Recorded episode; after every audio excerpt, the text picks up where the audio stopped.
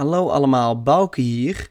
In dit item staan we stil bij een proces dat het christendom op zijn grondvesten deed trillen: de Reformatie. Hoe kon het activisme van kerkhervormers begin 16e eeuw een scheur veroorzaken in de katholieke kerk die tot oorlogen en uiteindelijk allerlei vormen van protestant christendom leidde? Die vraag gaan we bespreken. Let's go!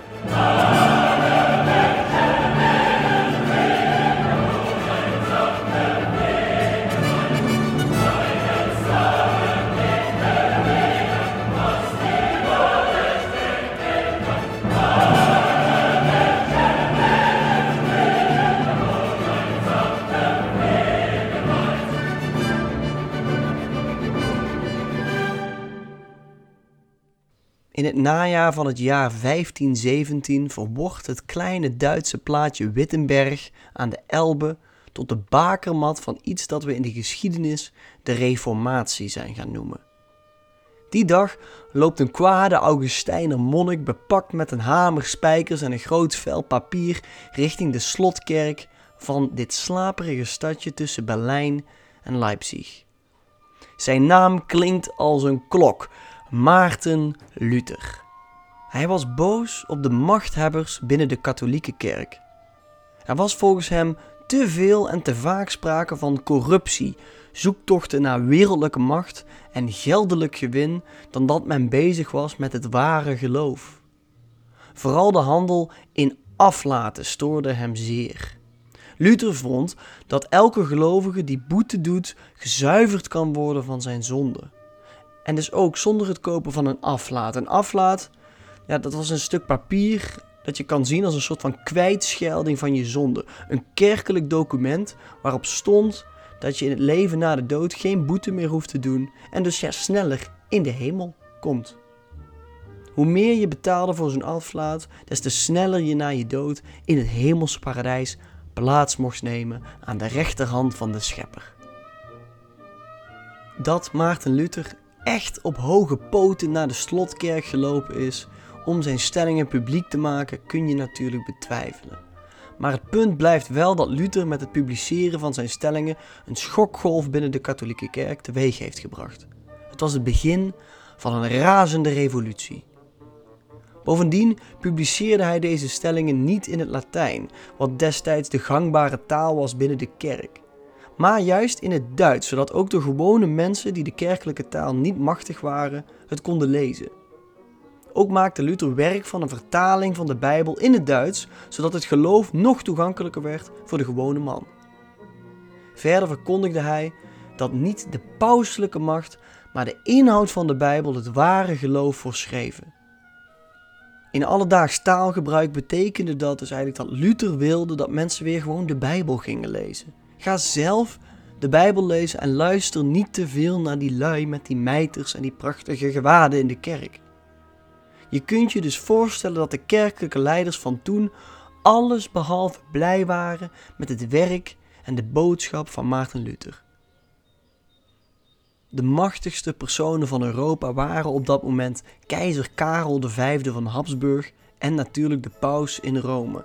En zij keken met een scheve blik naar die Maarten Luther. In 1521 moet Luther verschijnen voor het hof van Karel V. Daar weet hij de Habsburgse, de Duitse, de Spaanse edelen niet te overtuigen van zijn gelijk. Maar hij plant daar wel een zaadje. Op termijn zullen verschillende, in eerste instantie vooral Duitse edelen met hun onderdanen zich keren tot zijn protestantisme. En daarmee dus de woede van de keizer en de paus over zich afroepen. Ten overstaan van de keizer zou Luther toen gezegd moeten hebben: Hier sta ik. Ik kan niet anders. God helpen me. Amen. Vier jaar na het publiceren van zijn stellingen werd Luther dan ook door de paus in Rome geëxcommuniceerd. Dat betekent dat hij uit de katholieke kerk werd gegooid en niet meer mee mocht doen aan missen en andere uitingen van het katholieke geloof. Destijds was dat een van de ergste straffen die je als mens kon krijgen. Want ja, je had de geestelijkheid volgens het katholicisme nodig om in de hemel te komen. Hiermee werden de verschillende opvattingen binnen de kerk steeds duidelijker.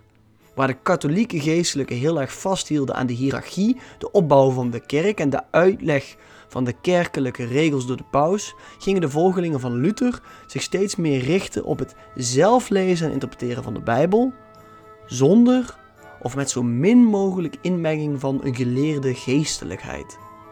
En we zien de eerste contouren aftekenen van wat we het katholieke geloof noemen en het protestantse christendom. Met die boodschap lijkt mij het tijd voor een fantastisch feitje. Want wisten jullie dat Maarten Luther ook dierenfabeltjes schreef, verhaaltjes? Naast veel van zijn religieuze werk schreef Luther dat soort sprookjes. Een van de bekendste is misschien wel het verhaal van de hebberige hond. Die hond die liep met een stuk vlees in zijn bek naast een rivier. En in het spiegelbeeld van het water zag hij zichzelf met nog een stuk vlees. Toen hij dat vlees wilde pakken, viel hij met zijn stuk vlees de rivier in. Een mooie metafoor voor de kritiek die Luther had op de katholieke kerk, die volgens hem steeds vaker alleen maar uit was op geldelijk gewin. En wisten jullie dat die Maarten Luther niet alleen maar een kerkhervormer, maar ook een, een fanatieke antisemiet was, een jodenhater? Nadat Luther de Bijbel volgens hem correct vertaald had in het Duits, verwachtte hij dat het Joodse volk zich zou bekeren tot het christendom. Maar dat gebeurde niet. En hij ontwikkelde daardoor een sterke afkeer tegen alles wat Joods was. Net zoals hij zich afzette tegen het katholicisme. We hebben dus te maken met een complex figuur in die Luther. En als je dit verhaal net gehoord hebt, dan kan het lijken alsof Luther met zijn revolutie de eerste was met het uitdragen van deze ideeën over het geloof.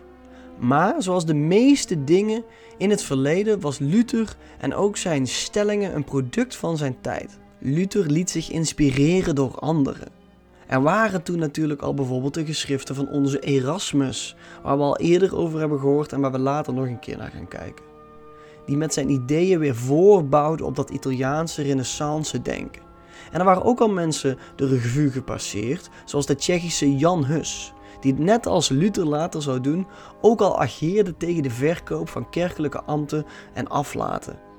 En op zijn beurt haalde die Jan Hus zijn ideeën weer bijvoorbeeld bij de Engelse kerkhervormer John Wycliffe. Die vond dat priesters niet nodig waren als het aankwam op de vergeving van zonde en dat God een voorbestemming had voor alle mensen en dat niemand hier invloed op had de zogenaamde predestinatie, dat dus God al weet of jij in de hemel gaat komen of niet, die was dus al geformuleerd. Wycliffe, Hus en Erasmus zijn dus voorbeelden van voorgangers van Luther die met elementen uit zijn gedachtegoed al eerder kwamen. En Luther heeft zichzelf daardoor laten inspireren. Overigens liep het zelden goed af met deze eerdere kerkhervormers. Hun literatuur werd verboden, ze werden verbannen, geëxcommuniceerd of zelfs ter dood veroordeeld. Maar dat alles weerhield dus Luther en zijn volgelingen niet om in hun voetsporen te treden. Acht jaar voordat Luther zijn stellingen wereldkundig maakt, werd een jongen geboren die sterk beïnvloed zou worden door het gedachtegoed van Maarten Luther.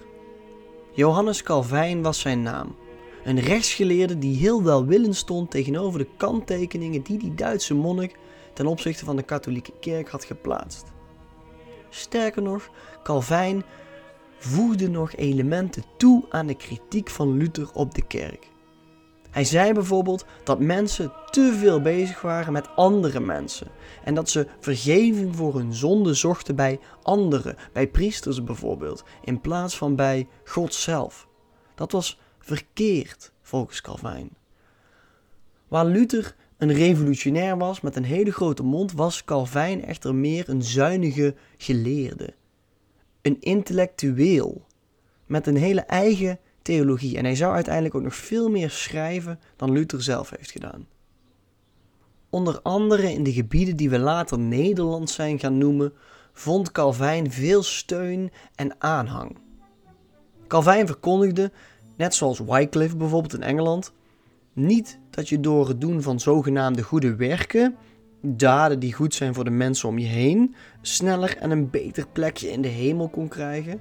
Maar hij verkondigde de strenge leer van de predestinatie dat we al eerder hoorden. Oftewel, God heeft de loop van jouw leven al voor je geboorte vastgesteld. God is omnipotent, die kan en die weet alles, waardoor hij dus ook al weet wat er later voor jou in het verschiet ligt en welke keuzes jij gaat maken en wat er in jouw karakter ligt. Wel vond Calvijn dat je door veel te bidden en hard te werken in Gods genade kon komen. En dat je zo vooraf je vastgestelde lotsbestemming enigszins kon verzachten. Dat was dus een erg strenge interpretatie van de Bijbel. Vaak wordt gezegd dat door deze strenge mentaliteit van bidden en hard werken in het Nederland van de 17e eeuw de bloeiperiode heeft kunnen ontstaan die wij tegenwoordig bestempelen als de Gouden Eeuw.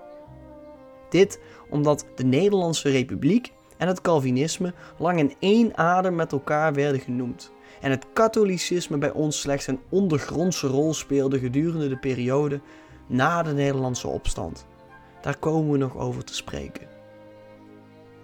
Luther en Calvijn, dat zijn dus de twee grote namen van de Reformatie. En de grondleggers van wat het begin zou zijn van allerlei protestantse genootschapjes en kerken. Nou, zij baseerden zich dus ook vooral op het werk van onze Rotterdamse humanist Erasmus. Die naam hebben we al gehoord. En uh, ja, naar hem is bijvoorbeeld ook de Universiteit in Rotterdam genoemd. En ook uh, het studieprogramma, het Europese uitwisselingsproject, heeft zijn naam, Erasmus. Nou, Erasmus schreef in de 15e eeuw zijn beroemde werk De Lof der Zotheid, waarin hij zich verkneukelde over de misstanden in de katholieke kerk en de lachwekkende zaken in het menselijk bestaan. Erasmus was zowel in zijn publicaties echter veel zachter dan Luther en Calvijn dat waren. En hij vond vooral aanhang in de geletterde lagen van de bevolking, oftewel bij de elite, bij de intellectuelen, bij de mensen die gestudeerd hadden. Erasmus streefde naar de hervorming van de katholieke kerk van binnenuit en niet naar het oprichten van eigen nieuwe kerken, die uiteindelijk in het protestantisme het levenslicht zagen. Waar Erasmus vooral voor een elite sprak, probeerden Luther en Calvijn hun manier van denken ook onder het gewone volk onder de aandacht te brengen. En zij deden dat op een veel fellere en toegankelijkere manier dan Erasmus dat gedaan had. In eerste instantie leek de Habsburgse vorst Karel V, die onder andere dus in de Duitse gebieden Spanje en de Nederlanden de baas was, de reformatie een halt toe te kunnen roepen en te stoppen met militair geweld. Maar toen vooral Calvijn steeds meer aandacht kreeg, werd de repressie van het huis van Habsburg zo sterk en dat bijna alle vormen van ketterij, zo noemden de Habsburgers de katholieken het verspreiden en uitoefenen van dat nieuwe protestantse geloof, bijna al die vormen van ketterij werden bestraft met de dood. Vooral en ook in de Nederlanden, waar dat nieuwe geloof steeds meer aandacht kreeg. Naast de vervolgingen leidde ook de vreedheid van de straffen en het regeren over de hoofden van lokale machthebbers tot steeds meer onvrede. Over die onvrede later meer als we over de Nederlandse opstand te spreken komen. Maar waarom is dit nu eigenlijk belangrijk voor ons?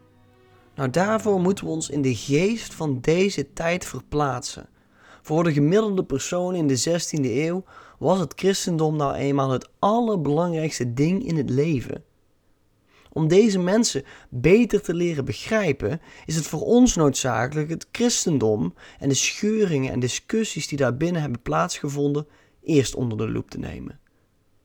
Bovendien zorgde de Reformatie voor een breuk binnen Europa, waaruit talloze oorlogen en conflicten, politieke gevolgen zouden voortkomen.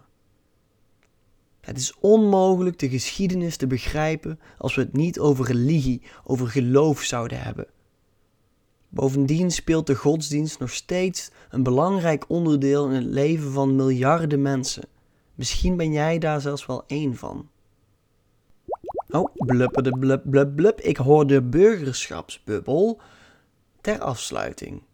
Tegenwoordig zien we nog steeds de gevolgen van deze reformatie van het christendom terug in de verdeling van bijvoorbeeld gelovigen in ons Nederland.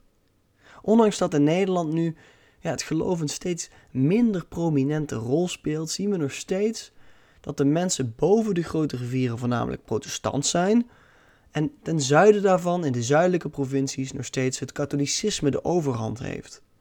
Dat was een consequentie van hoe de reformatie zich voltrokken heeft en de opstand die daaruit voortkwam.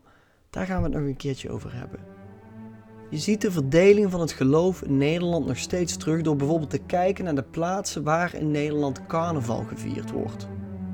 Daarnaast zien we dat er overal op de wereld nog steeds conflicten zijn tussen mensen die dan een bepaald geloof aanhangen. Vaak wordt er dan gestreden door partijen die er, net als tijdens de Reformatie, verschillende zienswijzen op nahouden met betrekking tot hetzelfde geloof. Ook in Nederland hebben we hiermee te maken gehad. Denk bijvoorbeeld aan vluchtelingen die we hier door toedoen van al dan niet godsdienstig gerelateerde oorlogen naartoe zijn gekomen. Verder zie je dit terug in de Nederlandse pluriforme maatschappij, waarin veel geloven samenleven, maar soms ook volledig naast elkaar afleven. Ook dat is niet nieuw.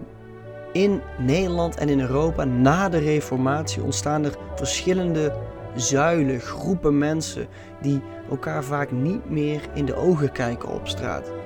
Katholieken zijn voortaan katholieken. Protestanten zijn voortaan protestanten. En de wereld zal nooit meer hetzelfde zijn. We zouden nog heel veel kunnen praten over het geloof, maar we laten het hier nu eventjes bij. Dit was de Reformatie in een notendop. Tot de volgende keer.